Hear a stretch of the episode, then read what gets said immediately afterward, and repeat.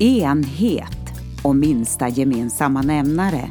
Ja, welcome into my living room med mig, Eleonora Lahti. Och idag är det just det inlägget jag kommer att läsa för dig. Så äh, slå dig ner, fundera, tänk efter vad jag kommer att presentera idag.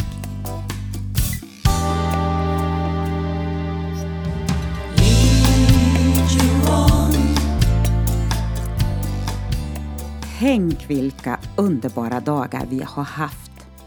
Själv har jag varit ute i trädgården och räfsat och eldat, men även hjälpt en av sönerna i deras blivande trädgård.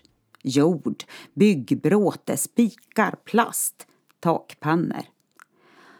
Och det känns i kroppen att en del muskler verkligen har haft vintervila. Precis som växterna som nu jobbar på att komma upp ur jorden. Så träffar man grannen som man inte pratat med på hela vintern. Nu kommer tiden vi står på varsin sida utav häcken och vi pratar barn, barnbarn och trädgård. För de här samtalsämnena kan man väl säga för tillfället är våra minsta gemensamma nämnare. Att komma över på kaffe ja, det har varit lite svårare att få till. Men solstrålarna är inte bara till glädje. De avslöjar också dammet och de smutsiga fönstren som man knappt lagt märke till under de mörka vintermånaderna. Precis som Guds solstrålar gör i våra liv. Till glädje, förskräckelse, missmod eller och jag har funderat. Hur får våra böner vingar så att de kan nå fram till Guds öra? Det verkar finnas någon sorts säkerhetsventil som öppnar eller stoppar allt som vi ber, ropar, viskar eller sjunger.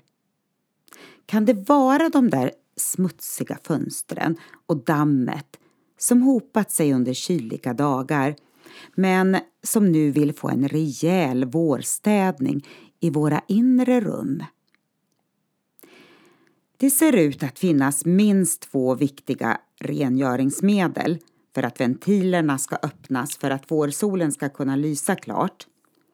Bibeln talar om att det absolut största, det är kärleken och att den är grunden för det Gud vill göra i sin kropp genom den enhet som då växer fram i Efesebrevet kapitel 7. En enhet genom att visa tålamod och ha fördrag med varandra, personer emellan. Men nyårsafton 99 alltså 1999 och år 2000, då predikades det ut ett ord som jag inte riktigt kunde förstå och faktiskt, faktiskt ännu mindre nu, många år senare. Enhet, det var det som skulle börja ta form under 2000-talet. Men vad var det som hände? Det ser ut som om minsta gemensamma nämnare helt plötsligt blev det viktiga och varje vindkast i läran får oss att kastas hit och dit. I min värld så handlar det inte om samfund och kyrkor med en organisatorisk enhet, vilket många samfundsledare verkar tro att det gör. För mig handlar det om att vi ska vara ödmjuka och milda mot dem som vi annars kanske inte skulle orka med och har svårt att visa tålamod inför. Som lärare är det ständiga utmaningar att tränas i det här, men det finns något som heter Andens enhet och enheten i tron som är av en egen dimension och där det inte handlar om minsta gemensamma nämnare. Här kan nog Andens frukter komma och tala sitt tydliga språk. När man försöker ändra i Guds ord så att det ska passa i tidens trender börjar vindkasten i läran vina starkt. Jesus Kristus kan bli Jesus, Sofia, för att inte den maskulina betoningen ska bli för stark. Visst finns det filosofiska och teologiska resonemang bakom det här som handlar om visdomen från Gud, något som används inom ortodoxa och katolska sammanhang, men även inom antroposofi och nyhedendom, till exempel vickarörelsen. Men Kristus är grekiska och betyder den smorde, vilket även Messias betyder, men då är det hebreiska. Ibland verkar anpassningen till tidsandan bli viktigare än att se vad det egentligen betyder. Men åter till våra ord och kommunikation till Gud. Som judarna säger, från min mun till Guds öra. En gudsrelation handlar inte om prestation utan om min överlåtelse i ödmjukhet och uppriktighet där troheten till Guds ord är det avgörande. Där ryms inte kompromiss och självhävdelse och enhetstanken kring minsta gemensamma nämnare är inte längre en självklar väg att gå. Det finns ord som radikal, respektfull, modig och korrekt som ska vara ledord i vårt möte med oliktänkande.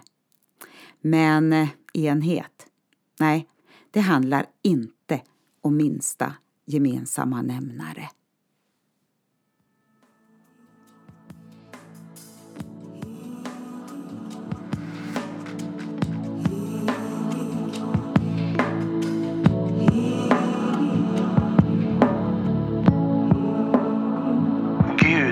Är himlen och du på jorden. Fruktar du Gud? Predikaren 5. 1 och 6. Och 6.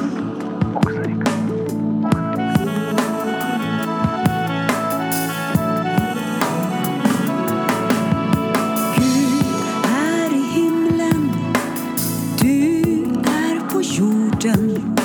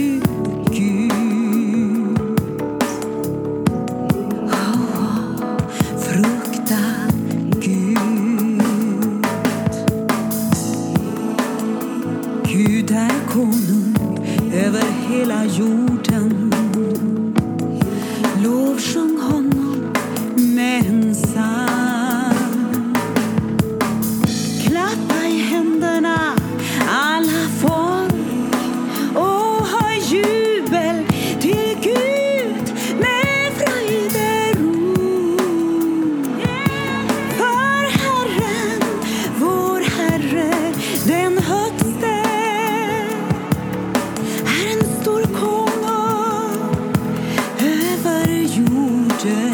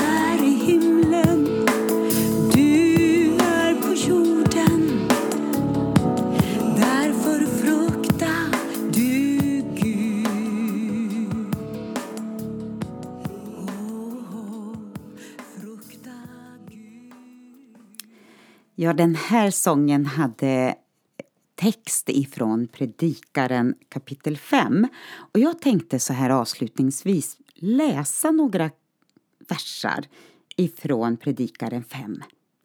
Och det är från en översättning som heter Handbok för livet. Där står det till exempel så här. Ha öronen öppna och försök lära dig något när du går till templet.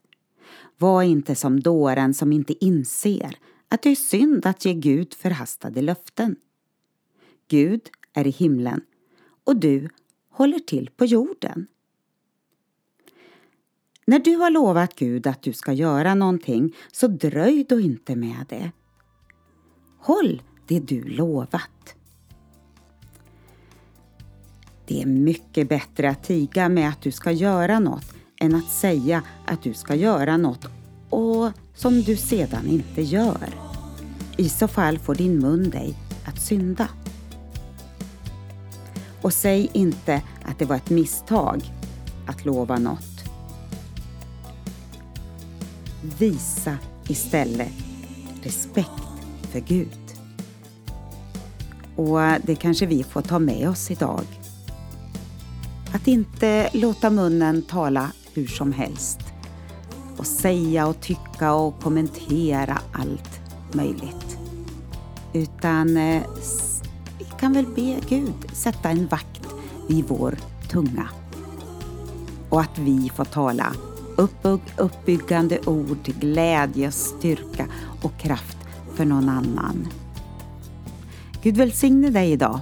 Ha det riktigt bra och vi ses, eller hörs rättare sagt, nästa vecka.